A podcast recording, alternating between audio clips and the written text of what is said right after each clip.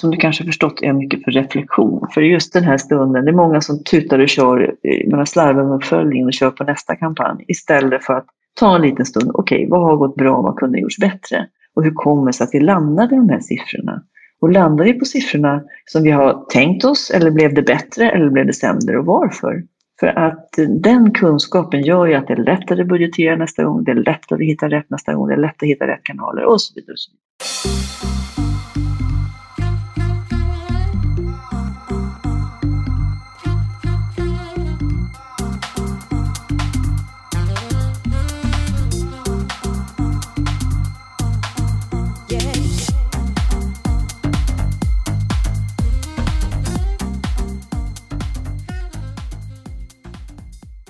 Välkommen tillbaka till Digital marknadsföring med Tony Hammarlund. Det här är en podd där jag intervjuar branschexperter och marknadsförare för att lära mig mer om digital marknadsföring.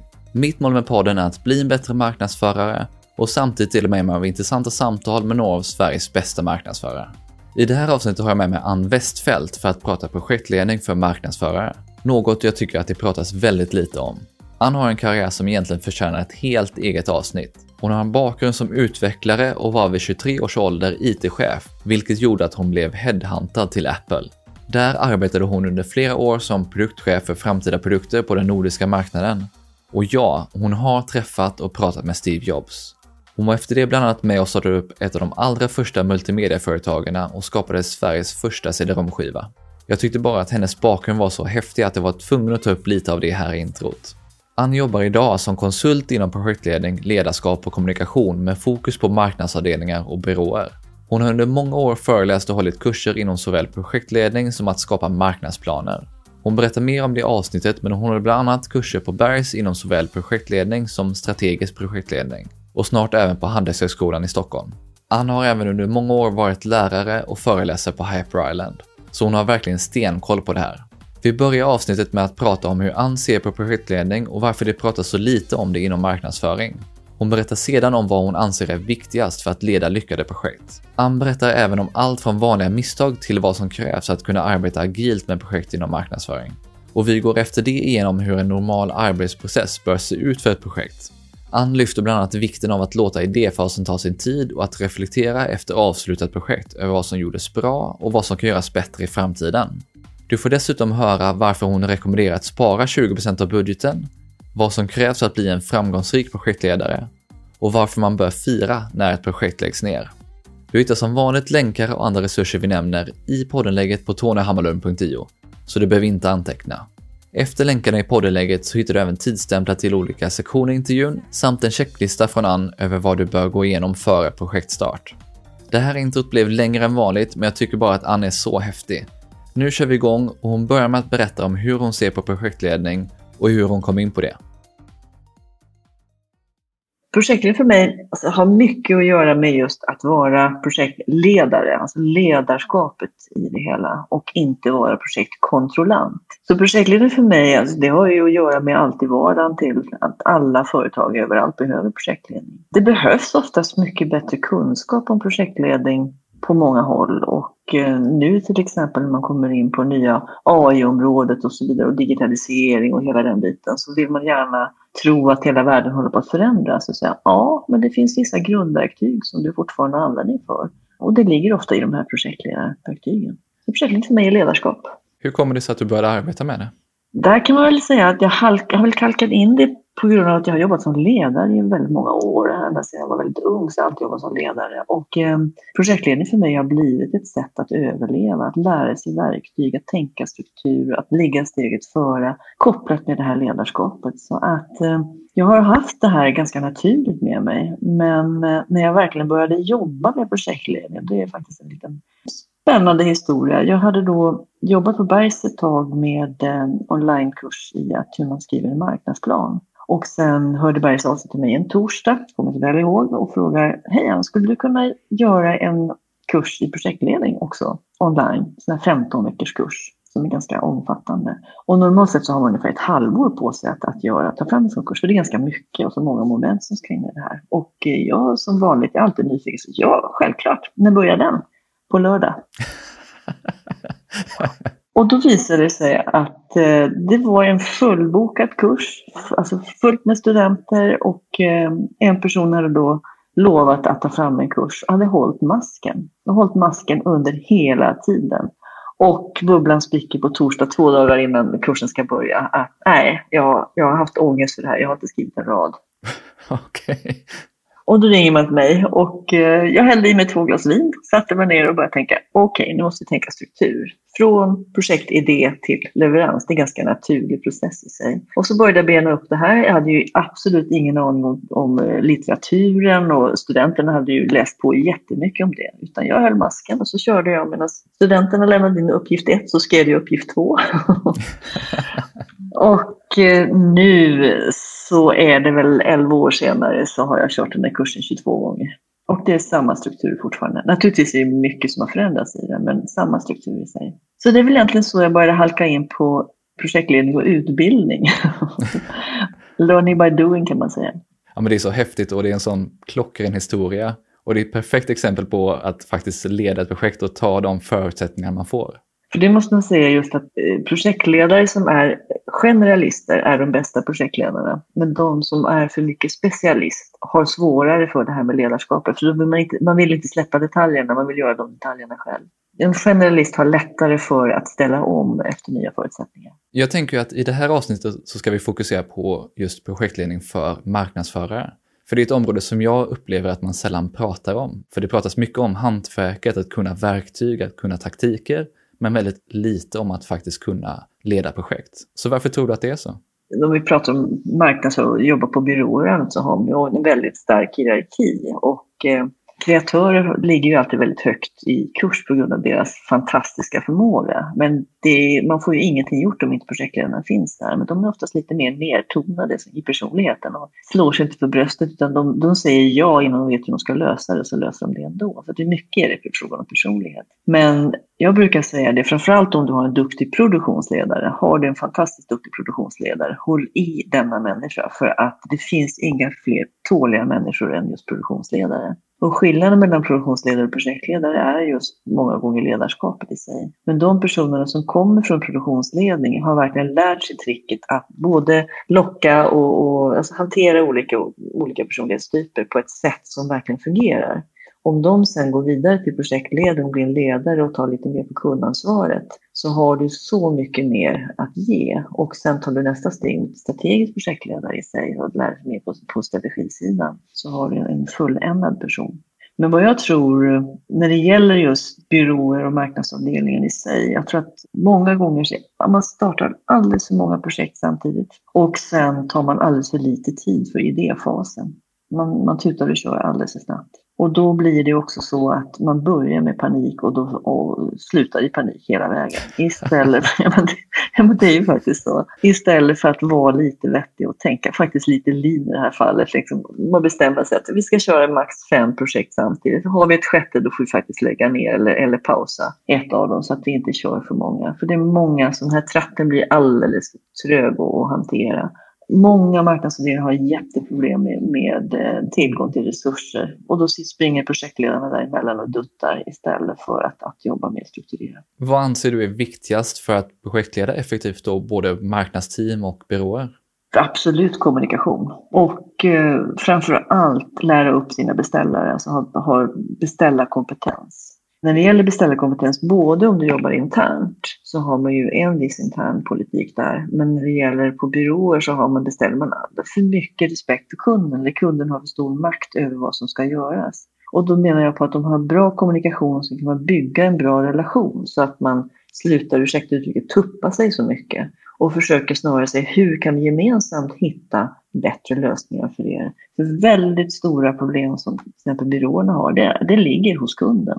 Och det har man svårt att ändra på. Så att eh, jag tycker man, har, man tutar och kör för snabbt, eh, har för många projekt samtidigt och sen bestämmer man leverabler innan och budget innan man riktigt vet vad man ska göra. Så det vill säga tillbaka till ha idéfasen, låt den vara lite längre. Och vad som händer då är att ni kommer få ut mycket mer per krona eh, och per timme än om ni bara tutar och kör. Men hur undviker man de här misstagen då? Mycket, än en gång tillbaka till kommunikation. Om du är en hyfsad person som kan då kommunicera med olika typer av människor, då kan du också hantera mottagaren. För kommunikation sker alltid på mottagarens villkor, det vet ju alla. Och det gör också så att då kan du också förstå den här mottagarens situation och då kan du då snarare skapa de bästa förutsättningarna. Men det är det ena och det andra är att ha bra verktyg. Till exempel, jag gör inte ett projekt utan att göra en riskanalys. Ett fantastiskt verktyg. nu låter det som jag sitter och skryter, men jag menar verkligen det. Det finns inte en enda gång som, som jag inte lyckats få större resurser, mer tid och mer pengar på grund av riskanalysen. Därför att man hittar sakliga argument. Och till exempel råkar jag ha en kund som har lite svårt att förstå det här, då gör jag riskanalysen med kunden så att de själva får ta fram det här underlaget. Sen leder jag den lite strategiskt på vart man vill att det ska komma någonstans. Så att man själv förstår att det är det här som är det viktigaste. Och många gånger är ju det här ursäkta uttrycket, de här tråkiga sakerna, om de inte fungerar, om basen inte fungerar, då kan du inte hitta höjden. Men många, kallar det för beställare, vill då bara ha höjden, det vill säga grejer moset, de vill ha det som syns. Men du måste jobba med basen för att kunna få det att fungera. Och det är tillbaka till en, en bit som många eh, marknadsavdelningar och byråer har, har problem med därför att kunden vill inte göra de tråkiga sakerna, de vill bara göra det roliga. Så det krävs ett långsiktigt arbete och en motivation. Jag brukar säga 80-20-regeln där, att 80% ska vara tugga, tugga på.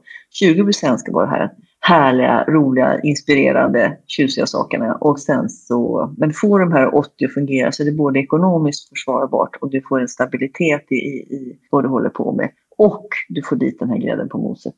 Jag känner igen mig så väl, för det här är någonting som jag pratade lite senast med Ulrika Wiberg när vi pratade SEO. Just att där är ju ett sånt område som där många beställare verkligen bara vill få sökmotoroptimeringen utförd. Men det hon tog upp var just det här med att backa tillbaka och sätta användaren i fokus. Och det är ju lite det du är inne på här. Och ser hur i detta fallet då SEO binder ihop allting. Jag har ett jättegammalt exempel och varför jag tar gammalt, för det, det är verkligen preskriberat. Men eh, när den här nya, nya tiden kom att allting skulle vara liksom rörligt och det skulle vara ljud och ljus och det blev mer spännande, MTV och hela den biten, så den eran som började komma då, eh, så kom det väldigt många tekniska lösningar. Och då var det en man som hade ett uppdrag från eh, regeringens sida att Sveriges bibliotek skulle då få möjlighet till den här nya tekniken. Och den projektledaren, han var ju alldeles vild i ögonen bara. Och han sa, åh, det ska bli pip och det ska bli blink och det ska vara, åh, så här härligt. Åh, han var njöt av de här fantastiska nya möjligheterna. Och då fick jag ner honom på jorden genom att bara säga lite tyst, så sa jag, lite lugnt. Så sa jag, ursäkta mig, men tror du att biblioteket i Lycksele har råd med en sån här multimediadator som kostar 100 000 kronor? Vet du vad han sa? Fan. Det var hans svar. Fan.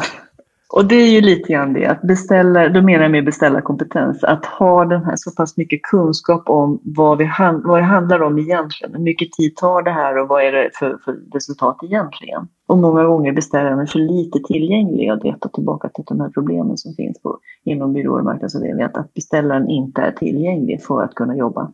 Ja, då kan vi komma in på lite grann det här med agila tänket. Alla pratar man att jobbar agilt och så vidare. Och då säger jag bara det, att jobba agilt funkar jättebra om du har agila beställare, det vill säga beställarfunktionen också är agil. Är inte den agil så fungerar det inte. Ja, för det var min nästa fråga, just där du nämnde lean och nu nämner du agilt. Så vilka metodiker, modeller eller system rekommenderar du att man arbetar ut efter? Alltså jag älskar att jobba agilt på grund av att, att man behöver inte äta upp hela äpplet på en gång, man kan ta en tugga i taget och sen utifrån det utvärdera om det här tuggan var bra och vad ska vi förändra i nästa bit och nästa bit. Men då är det tillbaka till att du måste ha en beställare som, som jobbar nära teamet för att få det att fungera. Men det är absolut det bästa. Men egentligen så skiljer inte ska säga, vanlig projektledning, så det, själva processen skiljer inte så mycket med agila processen och den vanliga processen. Därför att man går igenom de här olika faserna. Det är själva genomförandefasen som är mest agil då. Det vill säga att man tar det mindre tuggar och man prioriterar hårt och sen tar man och eh, utvärderar och, och hittar lösningar och fattar nya beslut. Och att jobba så är superhärligt, verkligen. Man jobbar tajt och man kommer framåt och det är positivt och oftast man hjälper varandra, på ett, alltså stödjer varandra på ett mycket, mycket bättre sätt. Man fungerar som ett team. För, förr i tiden man kallade för vattenfall, som var en gammal metod, då, då bestämde man, satt man och bara gjorde allting vid skrivbordet först och bestämde allting. Och sen när man börjar jobba så ändrar man inga beslut alls och det fungerar inte överhuvudtaget. Om man nu har en beställare som inte jobbar på ett agilt sätt, hur gör man då? Ja, då har jag en, eh, en gammal liten eh, metod som jag använt länge. Och anledningen till att kom fram, det är alltså min metod är ljuga om tidplanen och stoppa, stoppa 20 procent av, av budgeten i fickan. Det behövs sista veckan. och anledningen till den var att jag hade jobbat med ganska många projekt så märkte jag att någonstans vid 70 procent, jag faktiskt räknade på det, hamnade liksom på 70 procent in i projektet. Ursäkta mitt grova språk nu. Då dyker en Jeppe upp från kundens organisation som man inte hört ett pip om innan, som hade en högre position som säger nix, vi ska inte ha grönt, vi ska ha blått istället, eller någonting annat. Som kommer in och fattar eh, övergripande beslut som då när vi då i den fasen vi precis är på väg att rulla ut alltihopa. Och eh, då lärde jag mig att för det första två saker. Det ena är att jag gör alltid två olika typer av budgetar. Och det är inte för att lura kund på något sätt utan det är snarare att få ett smidigare sätt att arbeta. Det ena jag har alltså en intern budget och en, en kundbudget. Samma pott med pengar. Men de allra flesta kunder vill inte betala 20% av sin pott för en projektledare. De tycker det är onödigt. De vill bara ha produktionspengar och det vill säga höjd och, och, kreativitet och produktion. Så att offerten kan ni säga bara enkla siffror här, vi säger offerten är 100 000. Så tar vi den interna budgeten, det vill säga sättet att hantera de här 100 000 kronorna på, blir oftast mycket mer projektledare än vad, vad kunden vill betala för. Men på så sätt kan man också använda de här kreatörerna, de övriga teamet på ett bra mycket bättre sätt. Det är det första. Men sen vad jag gör då, jag budgeterar bara 80. För att jag vet att jag vet inte vad det är som antingen skiter sig den här gången, alltid något kan det vara, eller att vi hittar någon ny ännu bättre idé på vägen och då är pengarna slut. Så att jag budgeterar aldrig 100 procent, jag har alltid en pott pengar däremellan. Och anledningen är för att kunna verkligen vara agil i beslutsprocessen internt, även om kunden inte är det. Men sen har det att göra med, tillbaka till vad jag gör med en kund som inte är agil i beslutsprocesser, så är det frågan om att nagla fast kunden vid vissa tillfällen. Att jag brukar säga att det ska vara skrivet i blod. Så att kunden förstår, konsekven kunden förstår konsekvenserna. För att det ska inte vara ett motsatsarbete, det vi är ett team tillsammans. Vi ska ju tillsammans göra det här på det allra bästa sätt. Och eh, ibland kommer man på ännu bättre sätt. Och finns det då inte några pengar i sig så kan vi inte göra så mycket. Men å andra sidan, om kunden är envis och säger att vi måste ha leverans det här datumet och vi är på väg och, och det spricker, så har jag en annan liten metod som också fungerar. Och den, okay. och den metoden är att när vi sätter igång projektet, då har jag en öppen, härlig diskussion med kunden för att se vad är must have och vad är need to have. Det vill säga vad är liksom absolut nödvändigt och vad är någonting, vore skönt om vi kunde få med det här också. Därför att när du sitter i den här situationen, det är strax leverans och eh, vi har ont om tid och vi, vi, vi försöker förhandla oss till att vi kan vi göra en förändring. Då är det alltid tvärnit, allt ska vara med. Men om du har den här need här från början så kan du väldigt smidigt, på ett väldigt smidigt, snyggt sätt se till att, att det blir bästa leverans av de här pengarna som vi har, eller den tiden vi har. Riktigt smarta tips. Enkelt, den hårda vägen. Men om vi fokuserar på projektledning på marknadsavdelningar, hur tar man sig då an ett projekt på rätt sätt?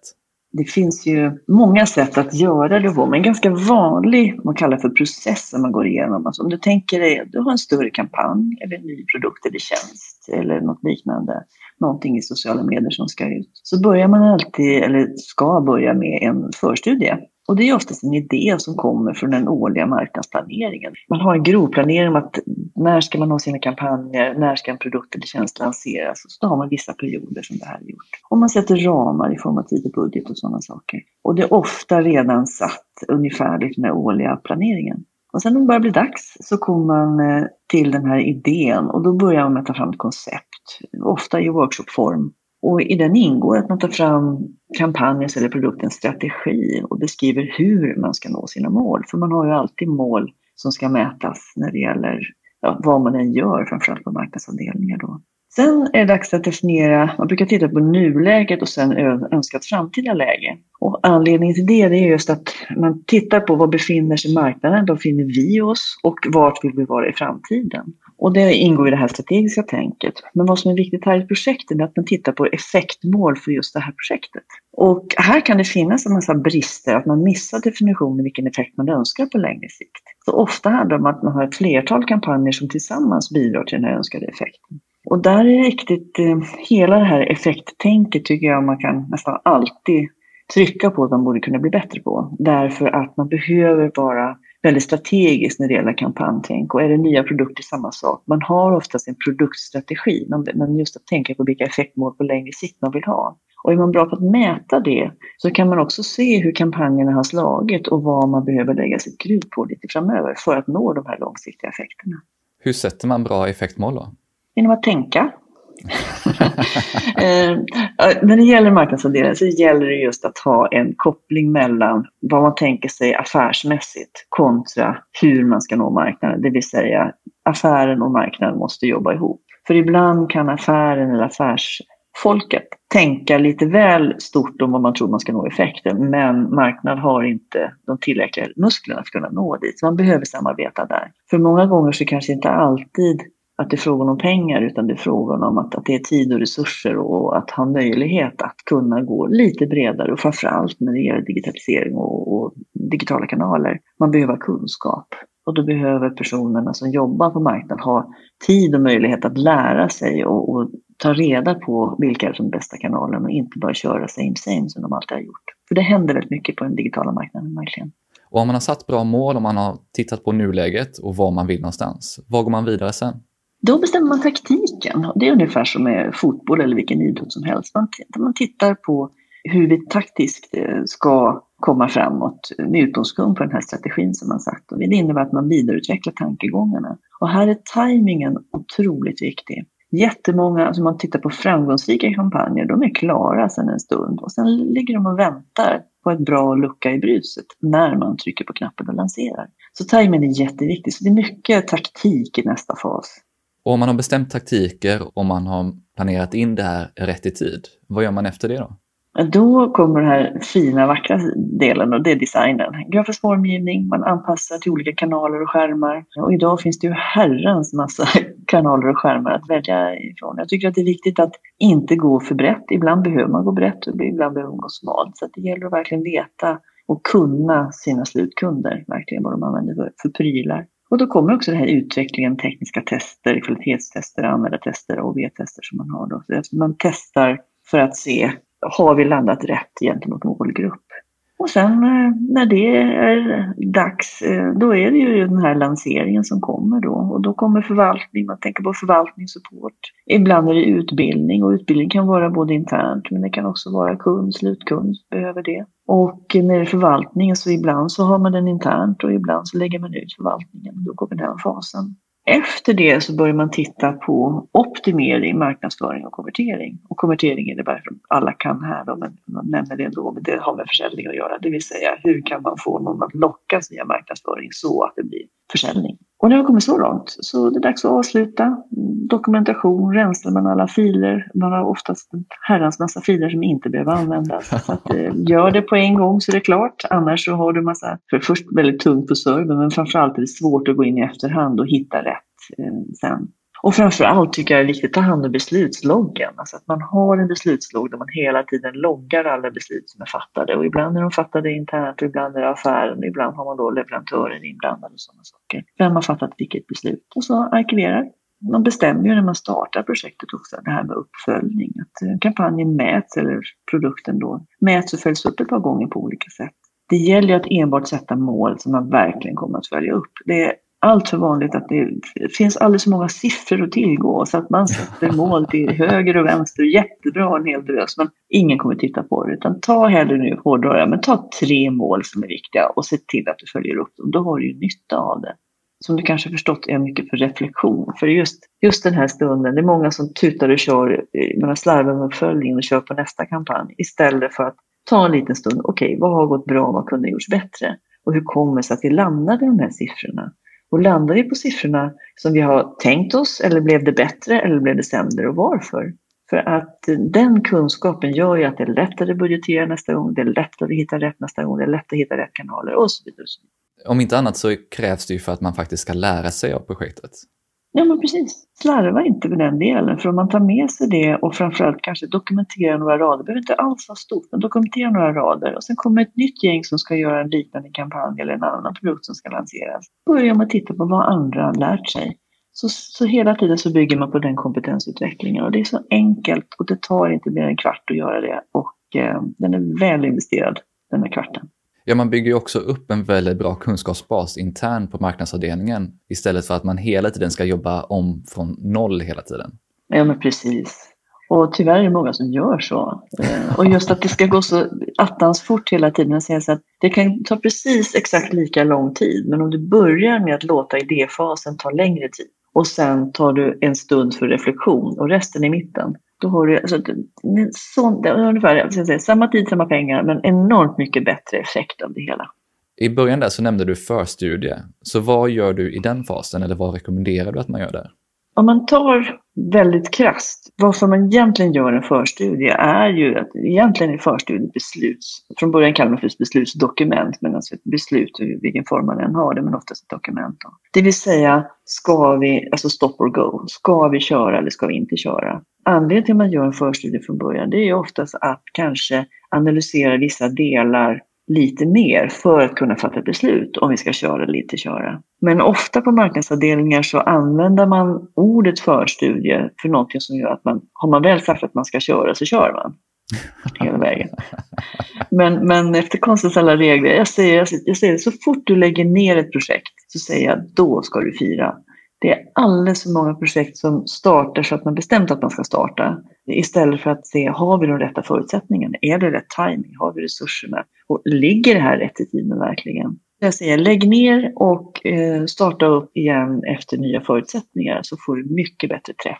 Ja, men det är en riktigt bra insikt att man ska vara noggrann med vilka projekt som faktiskt startas och att det är bra att lägga ner projektidéer. Du tog upp det tidigare, men hur många projekt rekommenderar du att man har igång samtidigt på en marknadsavdelning och varför? Jag kan säga så att eh, på en marknadsavdelning så beror det egentligen på hur många team man jobbar med. För att många projekt drivs ju i team, där en projektledare har tillgång till ett team med olika kompetenser i sig. Så om man utgår från projektledaren så, så hävdar jag då att projektledaren bör sällan ha fler än fem projekt samtidigt. Anledningen till det är att dels att ledarskapet blir bristande om man har för många projekt samtidigt och sen att du har inte oändlig tillgång till alla resurser i produktion. Och det innebär att de sitter, ursäkta uttrycket, de sitter i skiten. Därför att alla sliter och drar i produktionspersonerna hela tiden och vad som är viktigast eh, hela tiden, vilket projekt som är viktigast. Och är det så så blir ganska många projekt blir små stoppklossar för att man, har, man kan inte komma fram i den takt man skulle behöva. Så att hellre ha färre projekt samtidigt och man har en smidig produktion, alltså då kan man få fram allting väldigt smidigt och det är kul att jobba. Men hamnar man i att man startar för många projekt samtidigt så blir det så att projektledaren springer omkring i virrig därför att de hinner inte med allihopa. Produktionsfolket sitter där och, och känner bara liksom kniven runt strupen och de behöver prioritera. Och de kan inte komma på djupet i sin kreativa förmåga. Och kreatörerna får ju aldrig då i sådana fall vara kreativa utan det blir lite mellanmjölk av, av det hela. Starta färre projekt och gör det bra istället. Någonting som jag är jätteintresserad av, och du var inne på det lite tidigare, det är det här med tid. Så hur estimerar man tid på ett bra sätt i ett projekt? För det är ofta där det brister. Genom att reflektera. Det vill säga, jag trodde att det tog 10 timmar och eh, gör den här uppföljningen och kollar, det tog faktiskt 15 timmar. De senaste fem gångerna vi gjort det har det tagit 15 timmar. Det är det ena sättet, alltså, det vill säga reflektera, återkoppla så du ser verkligen, i verkligheten vad, hur många timmar tar det här egentligen, om det är tid det handlar om i sig. Men sen har det många gånger att göra att, att alltså, offerterna är inte på rätt sätt, det vill säga att du får inte ens bra förutsättningar från början. Det vill säga man säljer in till, om man pratar intern marknadsavdelning, så man säljer in till det är även interna kunden, för det fungerar precis på samma sätt internt när man har affären som då är kunden internt. Man säljer in så att man sätter en förväntning på en väldigt hög nivå, men man har inte de här riktiga resurserna i sig. Det innebär att man börjar på minussidan från början. Så att jag skulle säga så här, sänk ambitionsnivån och sen levererar du snäppet bättre. Det är bra mycket bättre än att ha för hög ambitionsnivå från början. Så det är reflektera med tiden och se till att du har koll på hur mycket saker och ting tar. Och sen har du i varenda del har du alltid reservtid att lägga till. Men hur estimerar man då tid när man har nya saker, saker man inte har gjort tidigare? Då har man idéfasen, det vill säga du gräver lite djupare i det så att du förstår problematiken i sig längre innan du sätter igång. Jag, jag hårdrar det jättemycket men du kan i princip göra nästan vilket projekt som helst på tre veckor så länge du vet vad du ska göra. För det innebär att då kan du bara göra allt, alltså då kan det vara hundra man som jobbar med samma sak och få saker och ting gjort. Så många gånger så är det den här processen man behöver gå igenom för att verkligen förstå vad det handlar om. Det är det som tar tid.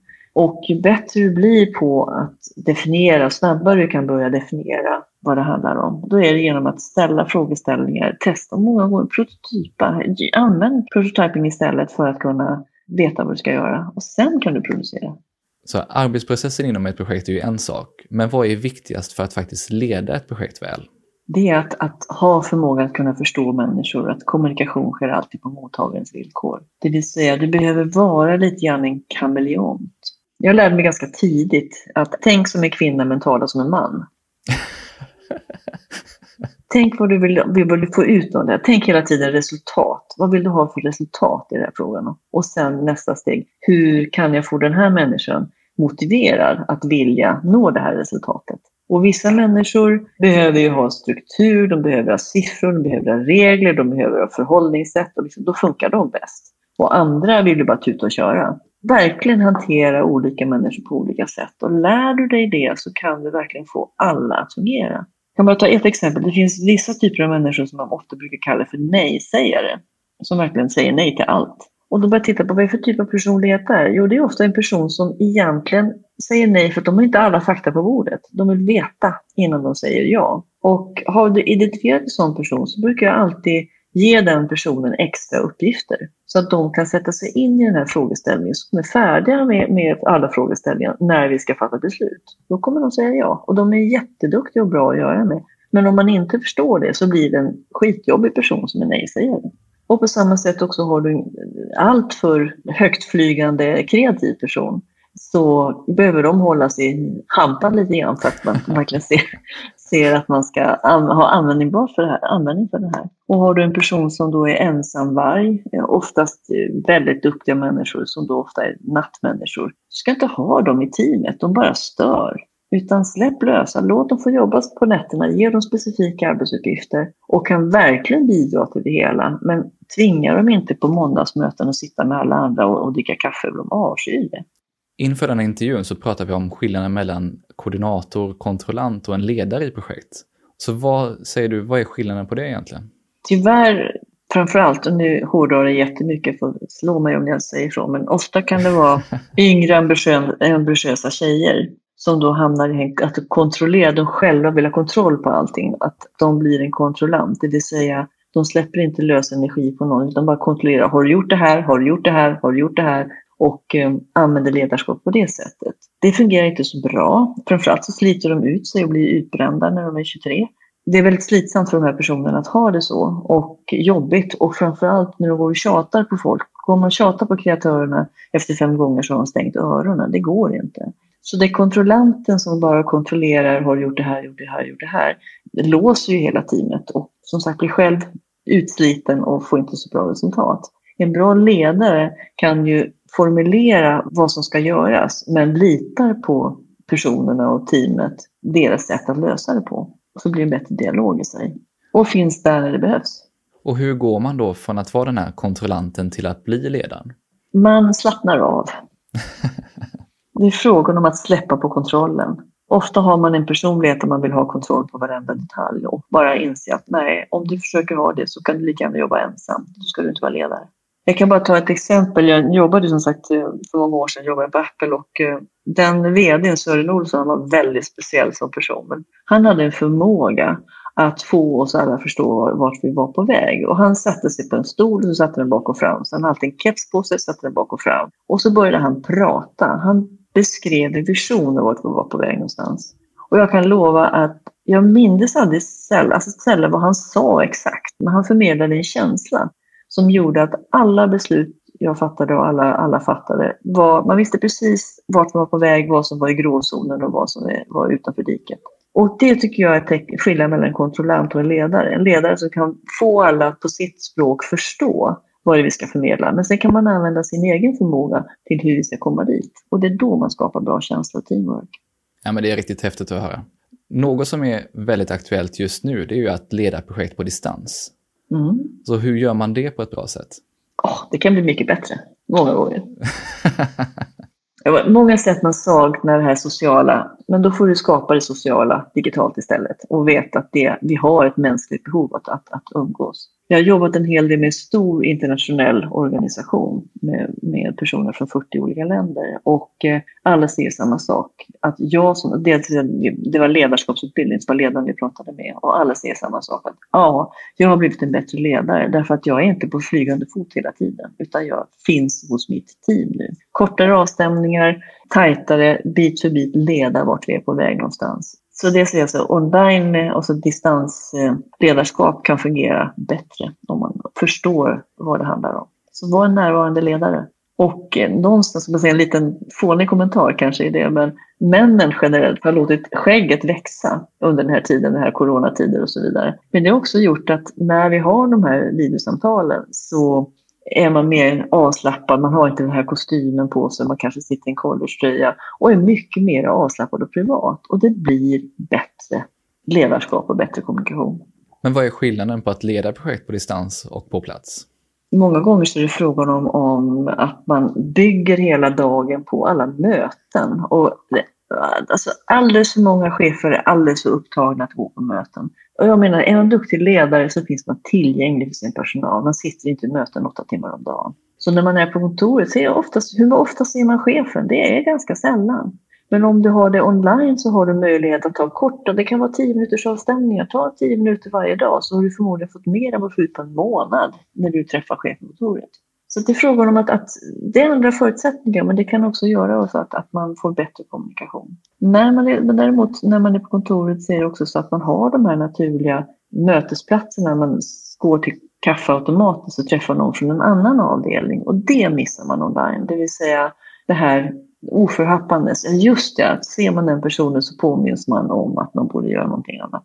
Den delen behöver man tänka på också när man jobbar online. Något som blir väldigt viktigt när man leder projekt på distans, men också viktigt när man leder projekt rent allmänt, det är ju olika typer av verktyg för att hålla koll på vad man faktiskt ska göra. Så vilka verktyg rekommenderar du att man använder när man just arbetar med projektledning? Det finns ju otroligt många olika typer av verktyg och jag har ju svårt att säga ett verktyg, för det gäller för dig att hitta de verktyg som passar dig. Men jag vill ta några som, som du skulle kunna kika på. Det är AirJob, Asana, Basecamp, Canvas Planner är ett bra verktyg. Du har Project Companion. Ett gammalt verktyg som har funnits länge, Project Place är många som har, fast det börjar, ja, det är värt att titta på en del. Todoist, Trello, så har du även det som du tipsade, det här Right for Marketers. Den är också ganska bra. Så det finns eh, många olika typer av verktyg. Så ta dig tid och, utvärdera verktyg så det passar dig. För det är väldigt många verktyg som då är jättebra men saknar en viktig funktion. Och då, då det är så att måste du blanda verktygen så, så blir det inte lika bra. Så leta ett tag till istället då.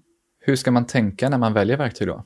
Ja, du skulle tänka, är det här enkelt nog att använda för mig? Alltså, det finns ju verktyg som du måste gå kurs på för att lära dig verktygen. Så säger jag, mm, visst kan det vara vettigt för någon som då ska jobba med enbart det här verktyget och verkligen bli en specialist på det. Men de allra flesta, om du måste ha den höga tröskeln varje gång du använder det, så kommer du inte använda det. Enklare är bättre för de flesta. Men min generella, mitt generella råd är krångla inte till det. Precis det du pratar om här. Jag har gått igenom allt från Trello till Asana och nu använder jag något verktyg då som heter ClickUp. Mm. Och det är ett fantastiskt verktyg som egentligen gör allting som Asana och Trello och alla andra gör. Fast du kan välja att vara helt flexibel själv. Så du kan välja om du vill ha ett projekt i listor, kanban eller om du vill ha det i, i Gantt-schema och du kan flippa mellan de här olika vyerna. Så otroligt bra verktyg och sen så kan man då ta samman alla projekt i en och samma kalender eller lista. Så det är ett verktyg som jag verkligen har fastnat för. Härligt. Om man nu ska bli en riktigt duktig projektledare, vad krävs för att lyckas med det? Ja, det krävs ju nyfikenhet och en bra gnutta av tålamod. Det handlar ju än en gång väldigt mycket om ledarskap i sig. Man har inte alltid de bästa förutsättningarna, så ibland behöver man vara tuff och säga nej och ibland behöver man lirka för att få sig team och andra i sig. Men det är en fantastiskt härlig resa när man får allting att fungera. Så att en duktig projektledare är väldigt tålmodig eh, och framförallt säger inte ja till allt utan ifrågasätter, reflekterar, duktig på kommunikation och ledarskap och eh, tycker livet är kul. Träna på förmågan när det gäller ändrade förutsättningar, för det gäller alltid projekt. Och hur lär man sig det? Jag har en sak som jag har använt i många år nu. Jag kallar det för veckans dilemma och det är mitt sätt att lära ut ledarskap inom projektledning. Och det innebär att man har en situation och allting är frid och fröjd, de har gjort allting som det ska. Och sen pang så händer det någonting. Och då har jag två frågeställningar. Det ena är A. Vad gör du i den här situationen? Men B. Vad hade du kunnat göra för att förhindra att det här hände? Tar du med de två frågeställningarna i situationer så lär du dig mer och mer och blir bättre och bättre projektledare. För att okej, okay, jag skulle inte ha gjort så och så. Då har du med dig det. Men om du inte reflekterar så lär du dig inte. Så att, eh, reflektera och eh, kom på vad kan du göra istället. Det är någonting som man väldigt ofta hoppar över. Det kommer upp ett problem och så bara löser man det. Och sen på något konstigt sätt så händer det här någon gång igen. Och man har fortfarande inte löst grundorsaken. Nej, precis. Vad finns det för bra resurser i form av böcker, kurser som du håller eller liknande som man kan lära sig lite mer om projektledning och bli en bättre projektledare? Ja, det finns ju otroligt många olika typer av kurser i projektledning. Så där behöver du titta på vad är det du själv är ute efter och vilken, framförallt vilken pedagogik som passar dig. En del tycker ju verkligen om att gå på universitetet och ha de här tunga böckerna och lära sig på djupet och andra vill ha mer learning by doing. Personligen så älskar jag action-based learning som då Bergs håller på med för att jag gillar att ha det här bakvända, alltså flip classroom som jag säger, att det vill säga man får en kort instruktion och sen får man då bita tag i det här äpplet och försöka lösa problemet med alla tillbudstående medel. Och sen efter det så får du en, en, feedback på det och sen en reflektion för att se hur kan det här göras ännu bättre. Och då kommer det här lärarens erfarenhet in i sig. Och det är då du lär dig saker och ting som sätter sig i ryggraden. Så när det gäller kurser, hitta kurser som passar dig och titta vad är det för lärare som passar dig och vad är det för metodik som du är ute efter och vad, vad är det du vill egentligen? Och eh, jag har lite tips som jag tittade på här. Till exempel när det gäller poddar, lyssna på projektpodden.se, den är jättebra. The Art of Diplomacy, också intressant. Framgångspodden, du kan alltid plocka olika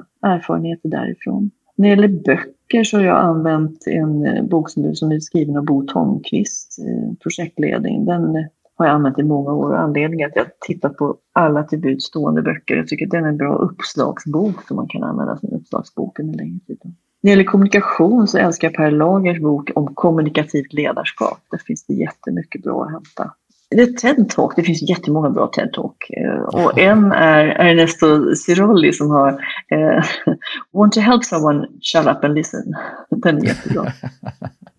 Människan bakom förhandling, Jan-Åke Björk. Det, beror, det finns många pusselbitar i det här, men framförallt jag tror att när det gäller, när det gäller projektledning så gäller det dels att lära dig olika typer av verktyg, intressentlista, eh, riskanalys, picture, alltså de små verktygen. Och sen när det gäller att hitta ditt eget personliga ledarskap och lära dig också tillbaka till hur du kan bli bra projektledare? Jo, genom att säga ja till rätt projekt som passar dig. Därför att om du har en personlighet som innebär att du vill ha väldigt många detaljer, då ska du inte jobba med för snabba projekt, för då, då, du blir inte bra på det, du kommer inte må bra av det heller. Och så vänder du på det, så har du en annan typ av personlighet, så det gäller liksom att hitta de projekten som passar din personlighet, så att det blir kul att jobba.